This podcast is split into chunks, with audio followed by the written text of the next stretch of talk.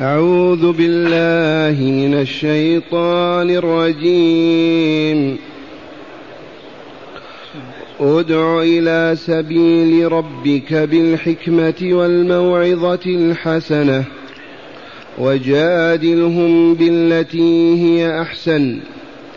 إن ربك هو أعلم بمن ضل عن سبيله. وهو أعلم بالمهتدين. وإن عاقبتم فعاقبوا بمثل ما عوقبتم به. ولئن صبرتم لهو خير للصابرين. واصبر وما صبرك إلا بالله.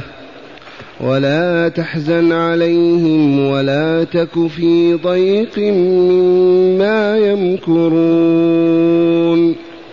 إن الله مع الذين اتقوا والذين هم محسنون. اللهم اجعلنا منهم معاشر المستمعين والمستمعات من المؤمنين والمؤمنات. هذا رسول الله صلى الله عليه وسلم بمكة المكرمة. والآيات القرآنية تترى في نزولها عليه.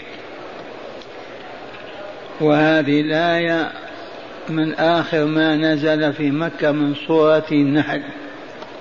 وهي قوله جل وعز ادع إلى سبيل ربك بالحكمة والموعظة الحسنة وجادلهم بالتي هي أحسن.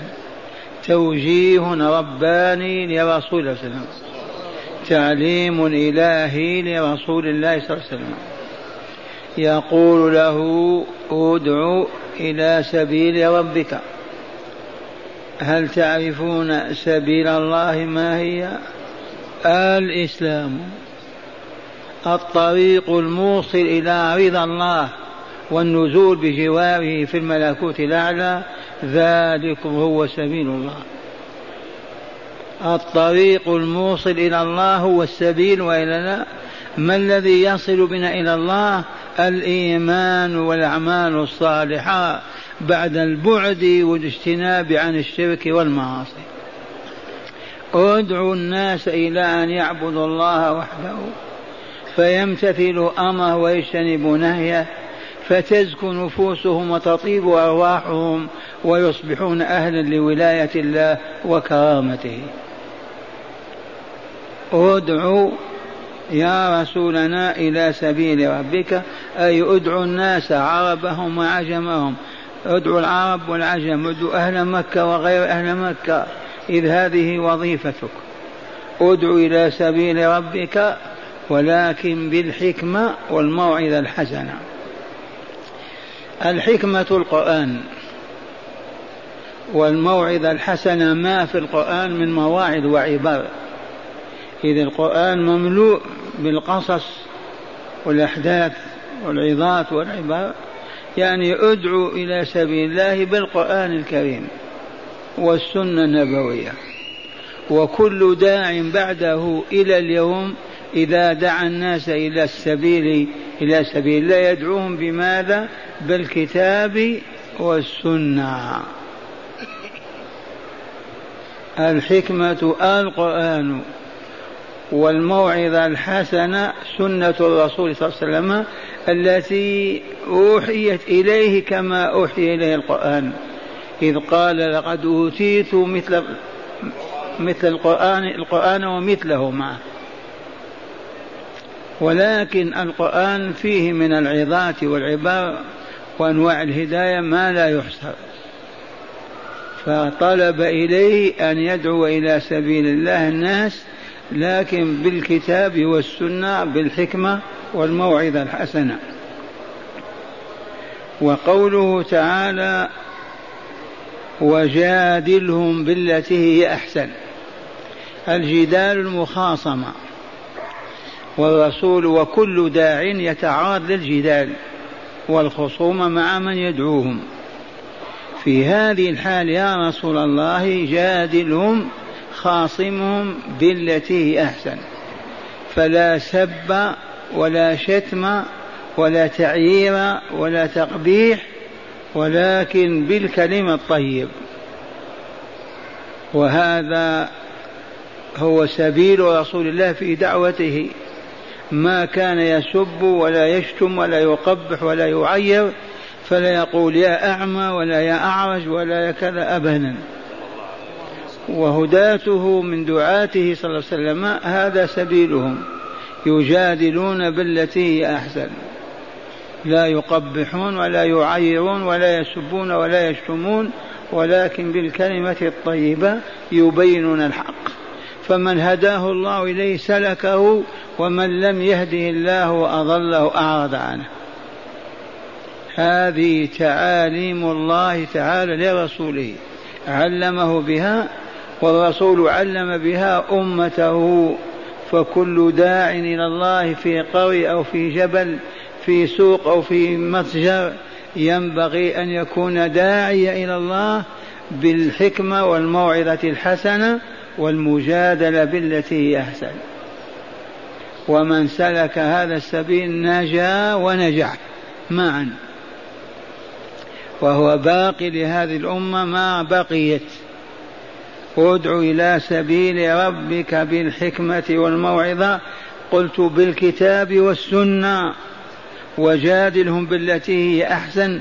جادل المشركين الذين يعبدون غير الله. جادل المبطلين المجرمين الكل يجادلون لإبطال الباطل وإحقاق الحق. ولكن استعمالك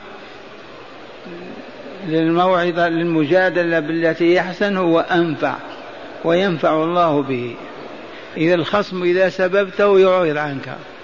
إذا أقبحت له القول وكذا يقول أسوأ ما يقول فتغضب وتنتهي الدعوة. إذا وجادلهم بالتي هي أحسن بالكلمة والعبارة التي هي أحسن من غيرها لا بالحسنى فقط بالتي هي أحسن. وقد قلت لكم ما ثبت أن الرسول صلى الله عليه وسلم وقد جاهد ثلاثة وعشرين سنة يدعو إلى الله ما سب ولا شتم ولا عي ولا قبح أحدا أبدا. ويواجه المشركين الكافرين. من أبي جهل إلى عقبة بن معيط. أخذا بهذه التعاليم الإلهية.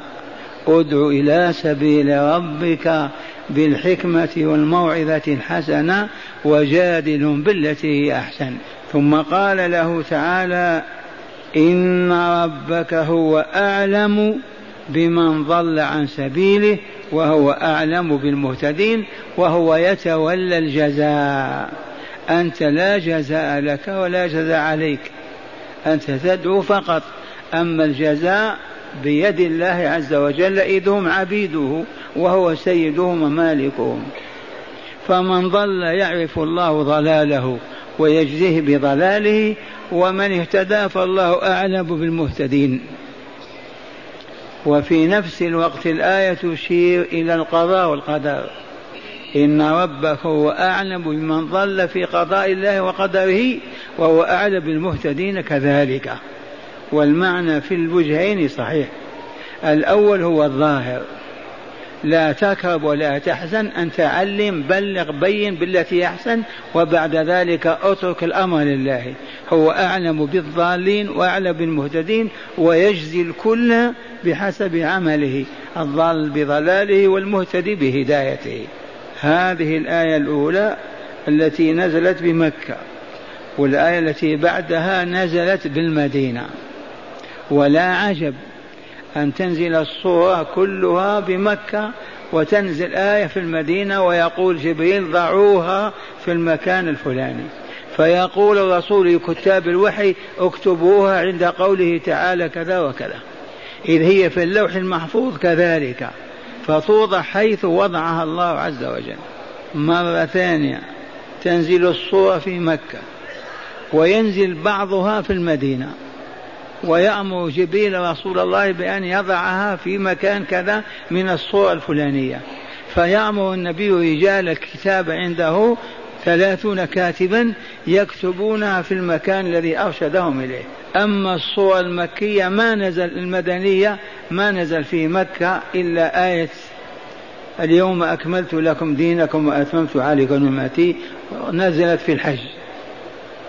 والشاهد عندنا في الآية الثانية وهي قوله تعالى وإن عاقبتم معشر المؤمنين والرسول على رأسكم فعاقبوا بمثل ما عوقبتم به. هذه الآية نزلت في السنة الثالثة من الهجرة الحبيبية بالمدينة النبوية. تعرفون أن غزوة أحد كانت في السنة الثالثة. أحد الجبل الذي وراءنا. ما زال الجبل بصفائه ونوره كعهد رسول الله صلى الله عليه وسلم. تغير كل شيء في المدينة.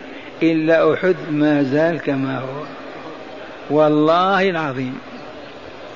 المباني الأزقة حتى البقيع تبدل تغير.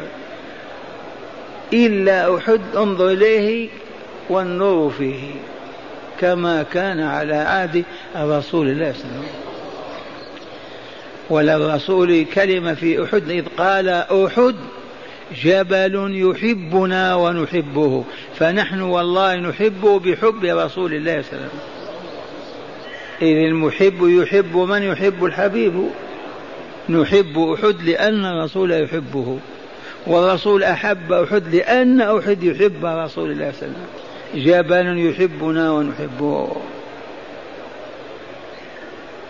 والحادثة التي تمت في أحد تتجلى فيها ماذا شوق أحد إلى رسول الله وحبه له؟ لما انتهت المعركة دارت من الصباح وانتهت بما شاء الله وتنتهي به بهزيمة للمؤمنين بسبب ذنوبهم. فلما انتهت المعركة زحف الرسول مع بعض رجاله إلى جبل أحد فارتفع فوقه. وهم أبو بكر وعمر وعثمان وعلي. ما إن على رسول الله صلى الله عليه وسلم على الجبل على طرف منه لأنه في قمته. حتى ماد الجبل واضطرب فرحا فقال له الرسول صلى الله عليه وسلم أسكن أحد ما عليك إلا نبي وصديق وشهيدان. أسكن أحد ما تضطرب ما عليك إلا نبي وصديق وشهيدان. وهذه آيات النبوة المحمدية. أعظم من آيات أمس. أسكن ما عليك إلا نبي وهو رسول الله صلى الله عليه وسلم وصديق وهو أبو بكر الصديق وشهيدان عمر وعثمان. أخبر بهذا قبل موت الصديق وقبل موت عمر وقبل موت عثمان. كيف لا يكون رسول الله؟ ما عليك إلا نبي وصديق. من هو الصديق هذا؟ نزل فيه القرآن والذي جاء بالصدق وصدق به. أولئك هم المتقون. والشهيدان من هما؟ عمر. استشهد في المحراب. عجب. والله في المحراب قتله مجوسي أبو لؤلؤ كان عبدا مملوكا ويد الظلم وصلت إليه وقالوا اقتل. وعثمان حاصره الاشتراكيون الماديون جاءوا زاحفين من كل جهة لماذا عثمان ما يعطينا المال؟ المادية البحتة فطوقوا وذبحوا في بيته. أخبر الرسول بهذا قبل أن يتم وإلا لا؟ بكذا سنة أسكن أحد ما عليك إلا نبي وصديق وشهيدان. شهيدان من رجالكم من يكفرهم ويسبهم. ويقول هو مؤمن مسلم مسلم. والمصيبة هي الجهل ما عرفوا ما عرفوا ما علمناهم. ونعود إلى سبب نزول الآية. فلما انتهت المعركة وقتل من المسلمين سبعون شهيدا. وأما الذنب الذي حدث وبه كانت الهزيمة ليس هو ترك صلاة ولا سب الله ورسوله ولا شرب الخمر. فقط لما أعد رساء الرسول رجاله وهيأهم كما هي صفوف المجاهدين. أمر ثلاثين راميا أن ينزلوا على جبل الرماة الموجود الآن وأن يسددوا سهامهم إلى صفوف المشركين حتى يزعزعوهم. ثلاثون راميا.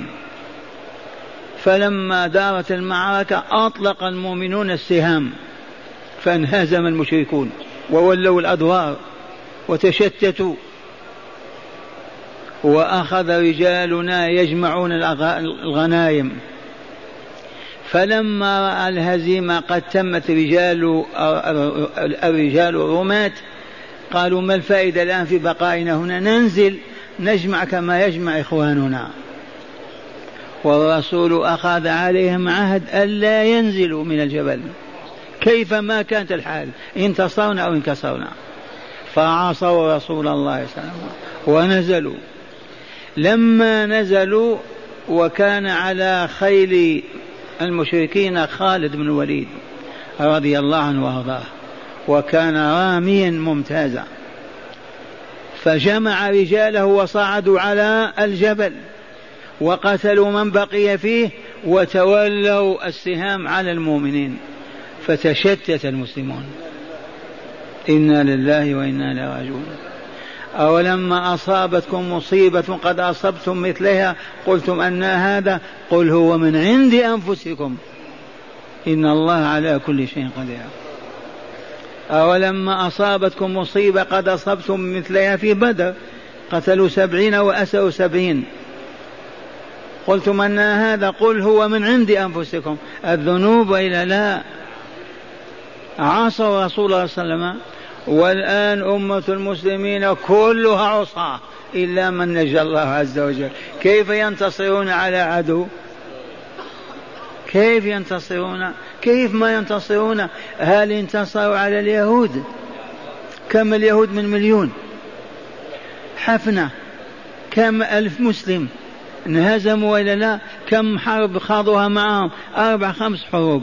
ويفشلون لأنهم والله لمذنبون. هؤلاء أصحاب رسول الله. أهل القرآن يقول تعالى أولما أصابتم مصيبة قد أصبتم مثليها؟ قلتم أن هذا. قل هو من عند أنفسكم. إن الله على كل شيء قدير. وكان من القتلى حمزة عم رسول الله صلى الله عليه وسلم حمزة بن عبد المطلب عم الحبيب صلى الله عليه وسلم وقتلوه ومثلوا به قطعوا الأنف قطعوا الأذنين قطعوا الذكر قطعوا قطعوا. وفعلوا أيضا مع بعض مع بعض رجاله فقال الرسول صلى الله عليه وسلم لئن تمكنا منه لنمثلن بثلاثين واحد منهم. لئن أقدرنا الله عليهم في معركة وقتلناهم لنمثلن بثلاثين رجل منهم. بدل الرجل الواحد. فنزلت هذه الآية. فقال تعالى وإن عاقبتم فعاقبوا بمثل ما عوقبتم به. ولئن صبرتم لهو خير للصابرين. فمن ثم حلف رسول الله أن لا يمثل بأحد وحرم على أمته التمثيل. فلا يحل للمؤمنين إذا قتلوا في الجهاد كافرا أن يقطعوا أنفه أو أذنه أو ذكره أو يبقوا بطنه يتركوه كما مات. حرم رسول الله التمثيل بالقتلى لهذه الآية الكريمة. وإن عاقبتم فعاقبوا بمثل ما عوقبتم به ولئن صبرتم لهو خير للصابرين. وهذه الآية تحتها أحكام فقهية ذات أثر منها في الحرب نقاتل العدو ما طالب منا القتال وأراده. لأننا نحن المسلمين ندعو البشرية كلها إلى أن تسلم قلوبها ووجوهها لله. من أجل ماذا؟ أن تطهر وتكمل وتسعد في الدنيا وتتهيأ لسعادة الدار الآخرة. الأمة الإسلامية كما كانت على عهد رسول الله وأصحابه وأولادهم وأحفادهم الثلاثة قرون كانوا إذا أرسوا سفنهم على دولة كافرة يراسلونها بسفارة منتظمة. يطلبون منهم الدخول في الإسلام لإنقاذهم من الفسق والفجور والكفر والظلم والخبث إذ كانت مجتمعات شر ما تكون. كما هي الآن في العالم الخبث والشر والفساد. أسلموا تطهروا وتطيبوا ويسودكم العدل وتعمكم الرحمة وتتهيأوا لدخول دار السلام التي كان فيها أبوكم آدم عليه السلام. فإن استجابوا الله أكبر الله أكبر. دخل رجال الإسلام وأقاموا الصلاة وعلموا الأمة وما هي إلا أربعين يوم الأنوار تغشاهم. لا ظلم ولا خبث ولا شر ولا فساد ولا ولا فإنهم رفضوا الإسلام لا نجبرهم على الإسلام بالعصا والحديد. نقول إذا اسمحوا لنا أن ندخل لأن نحن نتكلم مع الحكام ورجال وجيوشهم. دعونا ندخل البلد وأنتم في ذمتنا ونحن ندعو هؤلاء إلى أن يعبدوا ربهم ويكملوا ويسعدوا. وأنتم في حمايتنا. فإن قالوا مرحبا أصبحت البلاد في ذمة المسلمين والمسلمون يربون ويزكون ويطهرون ويعلمون ما هي إلا سنيات وكلهم أسلموا ودخلوا في رحمة الله. وبهذا دخل العالم الإسلامي. ما هو بالحديد والنار؟ فإن رفضوا الأولى والثانية لم يبقى إلا أن نقاتل هذا الجيش حتى ندخل إلى تلك الأمة ونطهرها وننقيها من فساد وشر. فإذا دخلنا وقاتلنا لا نمثل بمقتول أبدا. نعاقب كما عاقبنا. لو مثلوا بأحدنا ما نمثل نحن. لأن الله قال ولئن صبرتم لهو خير. نصبر أولى ولا نمثل. فلهذا حرم رسول الله التمثيل وإن عاقبتم فعاقبوا. مثلا شخص من الأشخاص سبك. يجوز أن تسبه. لكن بما سبك به ما زيد عليه. بمثل ما سبك. لكن إن عفوت عنه خير لك. رجل سرق شاتك. وعرفت أنه سرقها ولم يعترف لك بها تستطيع أن تسرق من ماله شاء على أن تكون كتلك الشاة في اسمها ولونها وقوتها الغنم غير الماعز والبقر غير الإبل والصغير غير الكبير على أن تكون بمثلها اختطف ثوبك فأردت أن تسترد هذا الثوب. بالاحتيال. يجوز لك على شرط أن يكون الثوب الذي تأخذه كثوبك في قيمته ولونه وقوته وضعفه. وإلا لا يحل لك أبدا لأن الله قال عاقبوا بمثل ما عوقبتم به. بالمثل. ومع هذا الصبر خير. ولئن صبرتم لهو خير للصابرين. ومالك رحمه الله يقول إذا كنت أعطيت لأخيك مالا وسرق منه وأخفاه بأية طريقة ثم ائتمنك هو على مال لا تقل ناخذ من ماله بقدر ما أخذ من مالي؟ قال لأن الرسول الكريم يقول وأدوا الأمانة لما لمن وأد الأمانة لمن ائتمنك ولا تخن من خانك. هذا الحديث قال مالك ورجاله يجعلنا ما ما ناخذ من أمانة شخص قد ائتمنها عندنا وإن علمنا أنه أخذ من مالنا. لكن قضية غير الائتمان غير الشال معز كذا كما قلتم يجوز على شرط. وبين هذا الشافعي وحدده على شرط أن تكون الكمية التي تأخذها بمقدار الكمية التي أخذت. النوع والكمية والشكل. وإلا العفو أفصح وأحرى وإن عاقبتم فعاقبوا بمثل ما عوقبتم به ولئن صبرتم على سبهم أو ظلمها أو كذا فالصبر خير. لهو خير للصابرين. من قال هو خير الصابرين مالك الخير الله جل جلاله. فوالله لخير كونك تعفو عمن سبك أو شتمك أو تصفعك أو خذ دينارك أو درهمك والله أفضل من أن ترد هذه الضربة بأختها أو الدينار بدينار. والله الذي خيرك بهذا. وإن عاقبتم فعاقبوا مثل ما عوقبتم به ولئن صبرتم لهو خير للصابرين. من هم الصابرون الذين حبسوا أنفسهم؟ ما قالوا السوء ولا فعلوا الباطل. تحملوا تلك السبة أو تلك الضربة أو ذاك الدينار وفوضوا أمرهم إلى الله والله لهذا خير لهم. لأنه إذا سب وسب ماذا تنتفع؟ سببتك تسبني حصل شيء ولا شيء. دعوتني إلى الصبر فصبرت ولم أسب أجر عظيم ما يقادر قدره إلى الله. ولئن صبرتم لهو خير للصابرين.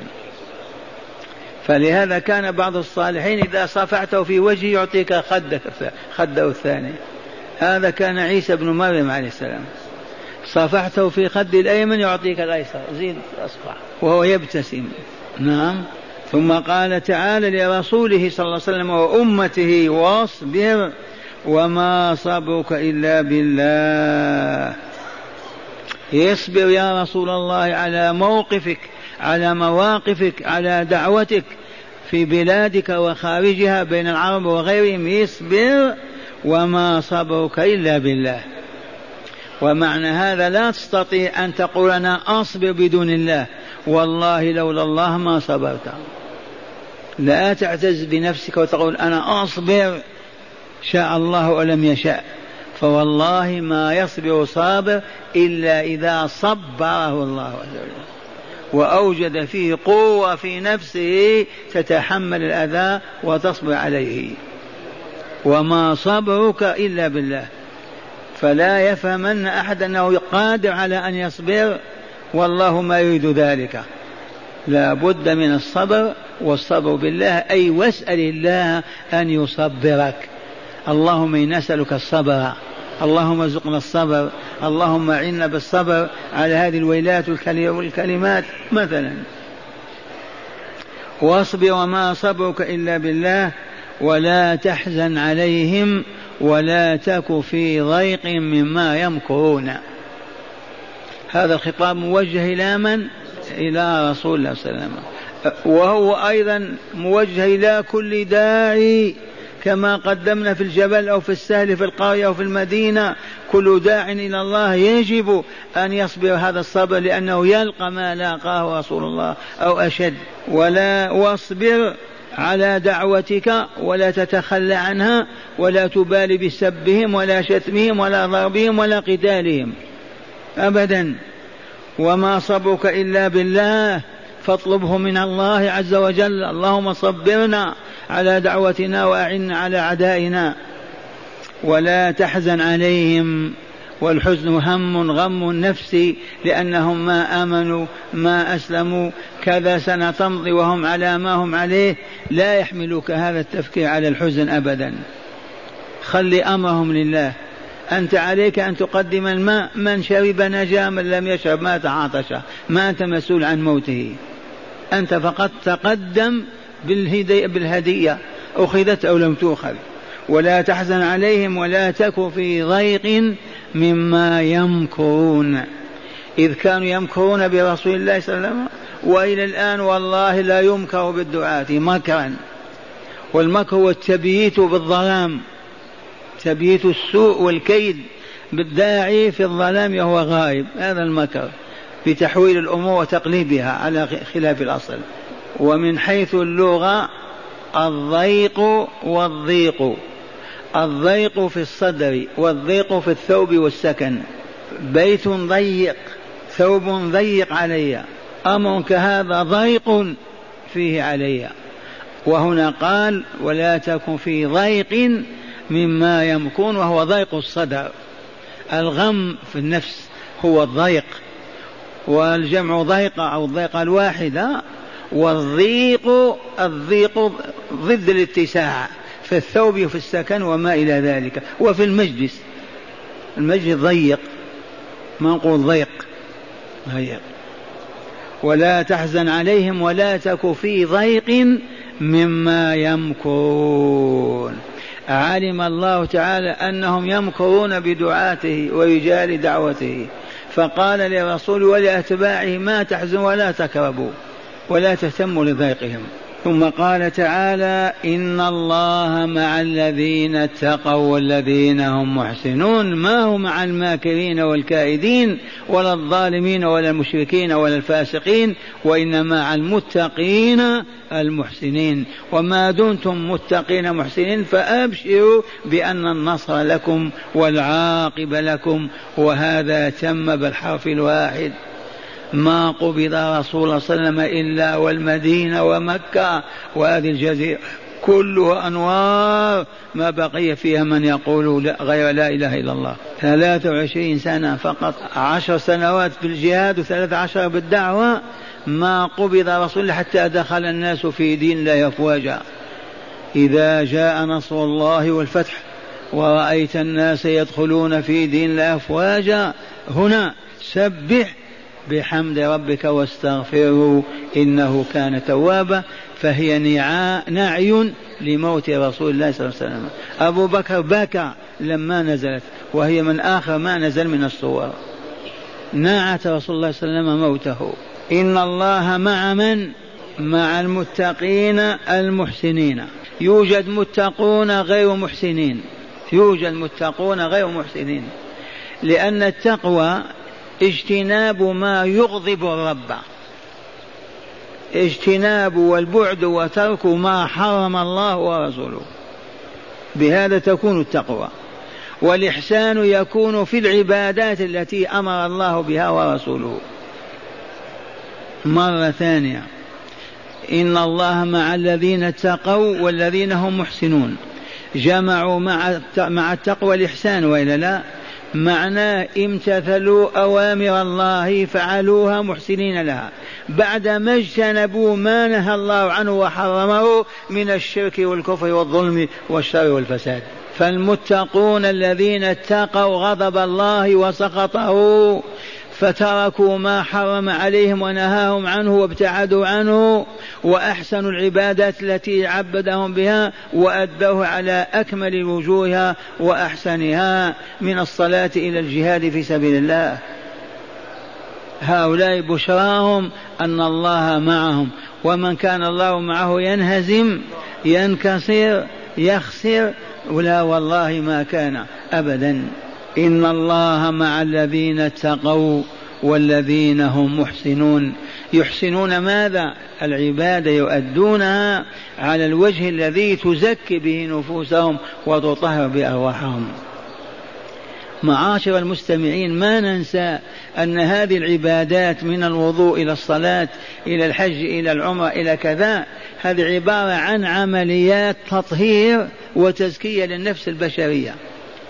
ولهذا لا يستطيع إنسان مهما كان أن يبتدع بدعة ويقول من فعلها تزكو عليها نفسه أو تطهر وتطيب والله ما كان. لا تزكو النفس ولا تطيب ولا تطهر إلا بعبادة أنزلها الله في كتابه وبينها رسوله بعمله ولسانه. هذه العبادات بغض الطرف عن كونها تحقق الأمن والسلام والرخاء والمحبة والولاء. اترك هذا. الأصل هو أنها تزكي النفس وتطهرها حتى تصبح أهلا لجوار الله تعالى في الملكوت الأعلى. وهذا حكم الله عز وجل يقول قد أفلح من زكاها وقد خاب من دساها. فالذين يصلون ولا يحسنون صلاتهم والله ما تزكو نفوسهم. والله ما تزكو.